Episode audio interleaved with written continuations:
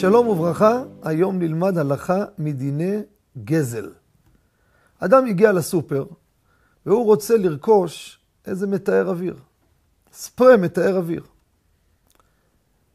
אבל הוא רוצה להריח אותו. איזה ריח זה? כתוב שם כל מיני שמות, או אפילו סוג שהוא מכיר, אבל הוא לא יודע אם זה מוצלח או לא. הוא אומר, רגע, בוא נלחץ ונריח. אם היית לוחץ וקונה את זה ודאי, החרשתי. אבל פה אם אתה לוחץ, ואתה לא יודע אם תיקח את זה או לא, האם יש פה בעיה או לא. מה הצד? אתה לוחץ, והבא בתור ייקח את זה, לחצת לו. מה עושים?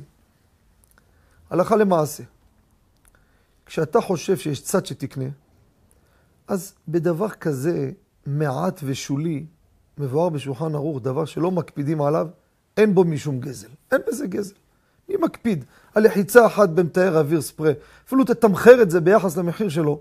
זה לא בושם של 600 שקל, של 50 מיליליטר, כל לחיצה פה עולה כסף יוקרתי. זה משהו אחר. פה, דרך אגב, שם הם נותנים טסטר, אז הסופר נותן לבדוק, זה משהו אחר, מי שמוכר. פה אני לא מדבר, עכשיו פה לא נותנים טסטר, זה בסופר. במעט כזה, לא זה שיקנה יקפיד, וגם אתה לא מקפיד לקחת ספריי שמישהו אחר לחץ בו. לכן, ילחץ לחיצה אחת, יריח, מתאים לו, מתאים לו, לא מתאים לו, לא חייב לקחת אותו. ואין בזה איסור גזל. יש, השולחן ערוך מביא, מידת חסידות שנזהרים גם בדבר שלא מקפידים. אז חסידות, יש עניין בזה לבקש רשות. אבל מעיקר הדין אין בזה בעיה. תודה רבה ובשורות טובות.